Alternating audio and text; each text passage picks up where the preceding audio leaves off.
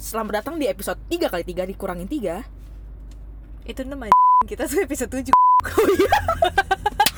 Tambah satu. Bergunjing.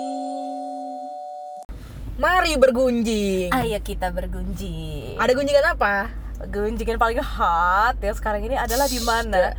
Eh, eh, shh, Kesannya kayak panas. Ada, agak ada, agak ada Apa sih? Jadi gini, jadi gini Ada salah satu selebgram kita Yang membuka dirinya ha? Intinya membuka, gimana ya pengakuan lah dari seorang influencer gitu yaitu adalah dari Mbak Tasya Farasya halo Mbak sebelahan nama kita kan sebenarnya Mbak di kampus Tetanggaan ya? iya Tetanggaan. tapi dulu Kita di mana? kita di mobil di pinggir jalan rekaman podcast gini doi ngomong "Ahem, dear selebgram garis miring promotor garis miring orang yang nyari duit dari promosiin barang. Tuh di caps lock. Ahem, lo tahu nggak kalau behel murah dalam tanda petik yang lo promosiin dan lo bilang langganan lo padahal nggak lo buka dari bungkusnya itu bisa bikin gigi orang lain mengalami kerusakan fatal. Bisa lepas dari gusinya bisa juga terkena kanker mulut bisa terkena hal-hal yang nggak mereka bayangkan lainnya Wow, kayaknya gue paham sih concernnya dia mengingat uh, latar belakang Mbak Tasya dulu gitu, tetangga sebelah kita di kampus kan. Oh iya betul betul, betul. Emang perhatian dengan kesehatan gigi, Gigi. gitu mbak nggak apa-apa aku seneng kok sama mbak Tasya terus selanjutnya dia bilang juga dan seterusnya dan seterusnya dan seterusnya. Intinya lo tahu nggak makeup palsu? Lo tahu nggak skincare pemutih? Lo tahu nggak pelangsing yang lo bilang selalu minum bla bla bla gitu? Serang semua itu ya? Semua macam brand dia serang. Akhirnya konklusinya adalah dia ngomong apa kalau eh, apa sih apa kalau tahu hal-hal itu lo masih bisa enjoy hasil uang lo itu? Dan tahu bahwa ribuan mungkin jutaan orang menderita gara-gara yang lo post doang. Bahkan lo sendiri juga gak akan berani pakai produk-produk yang lo promosiin itu. Renungkanlah. Iya. itu pesan beliau kepada para influ-influenza lainnya. Gila, itu berbobot sekali ya. Berbobot.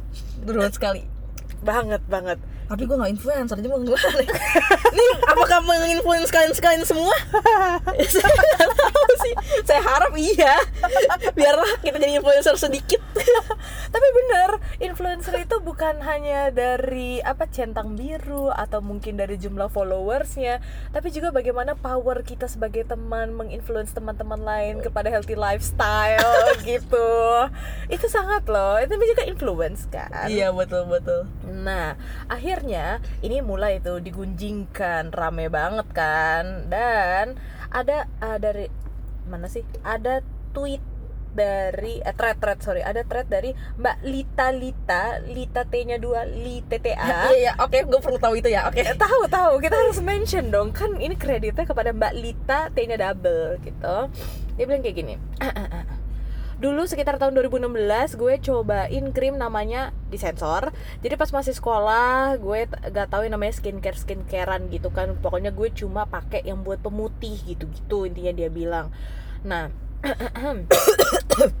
Aduh, batuk. Maaf, kayak iklan sebelah. Lanjut, lanjut, lanjut, lanjut. Oke. Nah baru habis itu dia bilang lagi Pokoknya intinya dia pergi ke kampung Baru di kampung barulah kerasa mukanya tuh kusam banget. Muncullah jerawat tiga biji berbe berpeler. Oh berjejer. Sorry sorry sorry. Salah baca gue berjejer berjejer. Otak Maaf lu itu mulu. Iya. Nah pas satu tiga hari di kampung itu Mukanya kan kerasa kusam banget. Terus muncullah jerawat tiga biji berjejer tadi itu. Oke nggak apa-apa dua hari lagi balik ke Cikarang. Pikir si mbak ini. Malam pas di Cikarang dia jalan sama cowoknya dia. Dulu sih pacar Sekarang udah jadi mantan. Haha Aduh. Tapi suami? Mantan Gak jadi Ke mantan suami. pacar, jadi suami gitu. Jadi suami juga, aduh kasihan banget nasibnya. Udah kenapa Terus baru si mbak Lita Lit TTA ini Dia bilang Eh salah Pak eh, mantannya ini ngomong Kok kamu iteman sih? Diomongin kayak gitu Sama yang waktu itu menjadi pacarnya sendiri Rasanya bagaimana?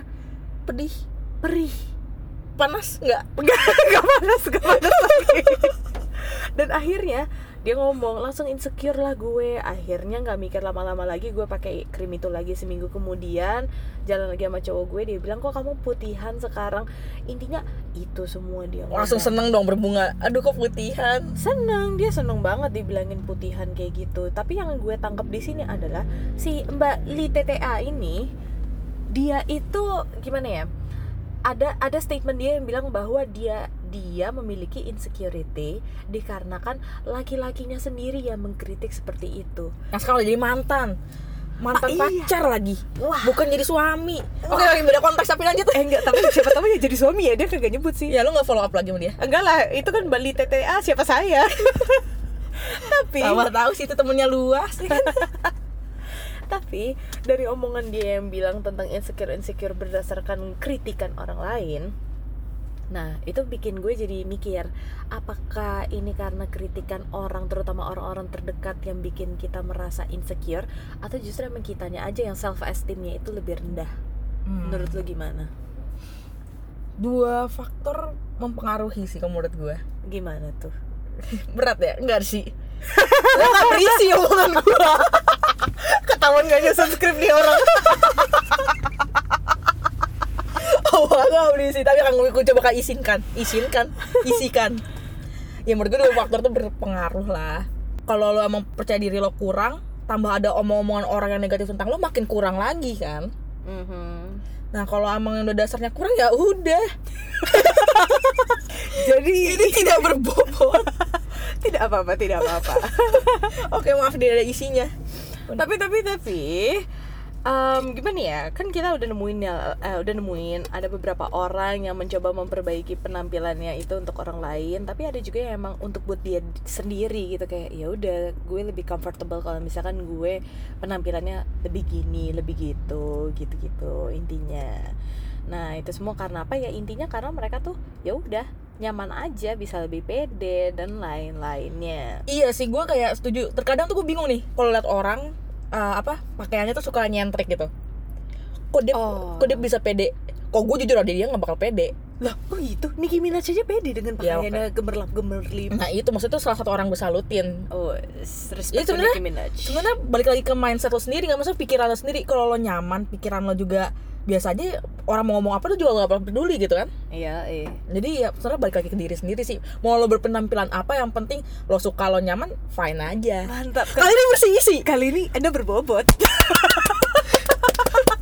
nah, akhirnya ini ngingetin gue lo tahu gak sih sama siapa ya? Gue kagak tahu cara bacanya kayak gimana. Emil Emily Ratskutu.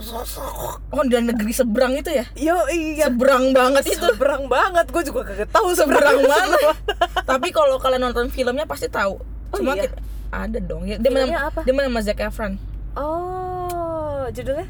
nggak tahu Kembali tidak berbobot.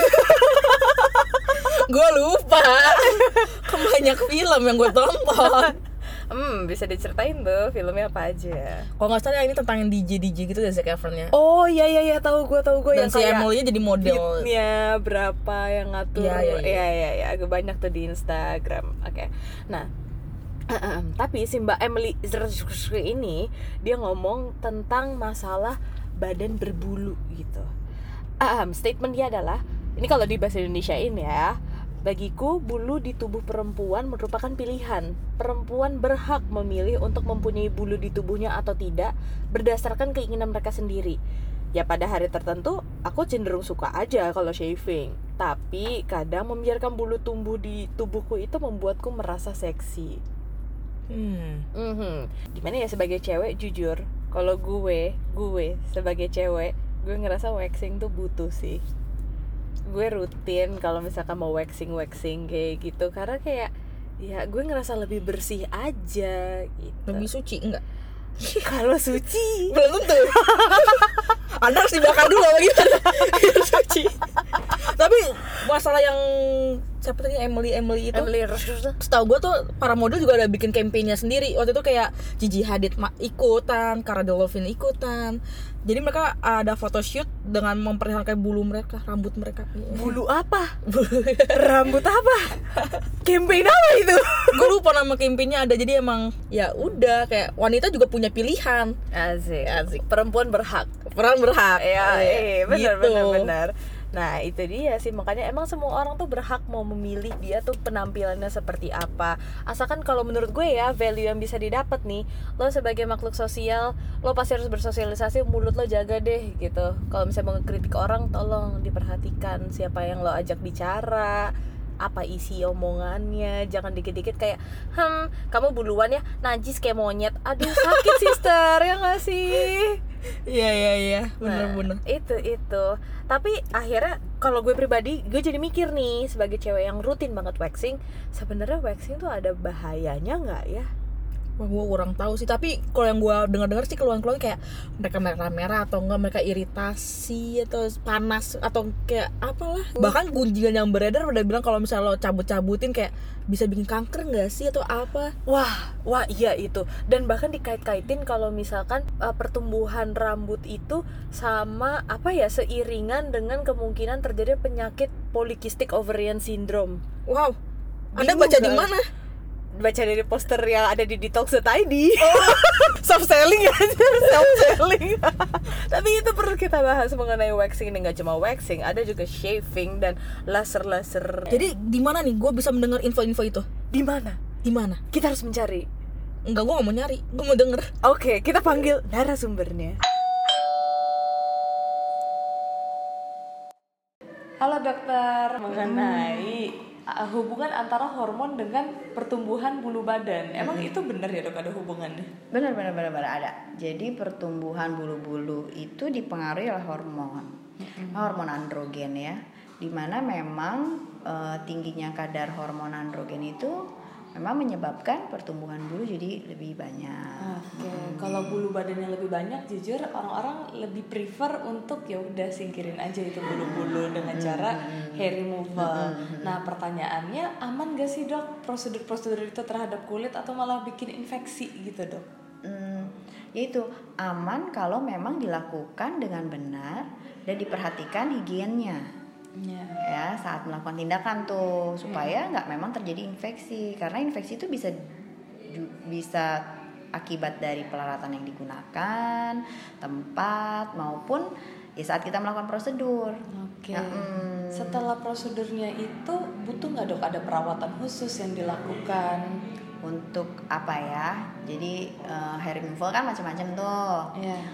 Shaving, waxing itu yang udah lama ya. Nah sekarang ini yang lagi heboh-hebohnya tuh IPL kan, laser kan. Nah kalau untuk shaving dan waxing sebenarnya nggak ada perawatan khusus. Tapi kalau misalnya untuk yang eh, laser tuh eh, biasanya memang setelah kita melakukan tindakan baiknya kulit memang tidak terkena paparan bahan-bahan kimia, terutama yang sifatnya iritatif. Jadi kalau misalnya kamu habis laser ketiak, hair removal, eh, better nggak pakai deodoran dulu. Oke. Uh-uh, gitu. Paham. Berarti sebenarnya ini prosedurnya juga aman jika sesuai dan sebenarnya tergantung ke balik lagi ke kenyamanan diri sendiri. Kalau memang nyaman ya udah nggak apa-apa, tapi kalau nggak nyaman ya udah nggak apa-apa juga. Iya. Oke. Sip, makasih banyak Dokter Shali.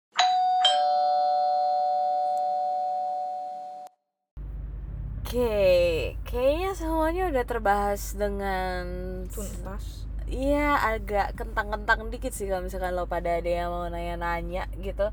Sebenarnya feel free to interact with us sih. Selama ini kan udah ada tuh di instastory Kayak nanya-nanya. Mungkin kalau ada yang mau cerita-cerita pengalaman yang lebih lanjut kali ya Bisa. Gimana tuh Tes?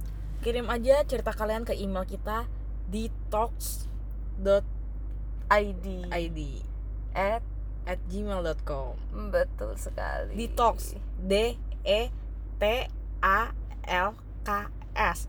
Mungkin untuk pendengar kita yang di luar Indonesia d i t a l k s. Waduh, kayaknya pendengar kita di luar negeri kagak ngerti bahasa Indonesia kagak sih buat dengerin ini podcast. ya mode optimis aja dulu. Berharap.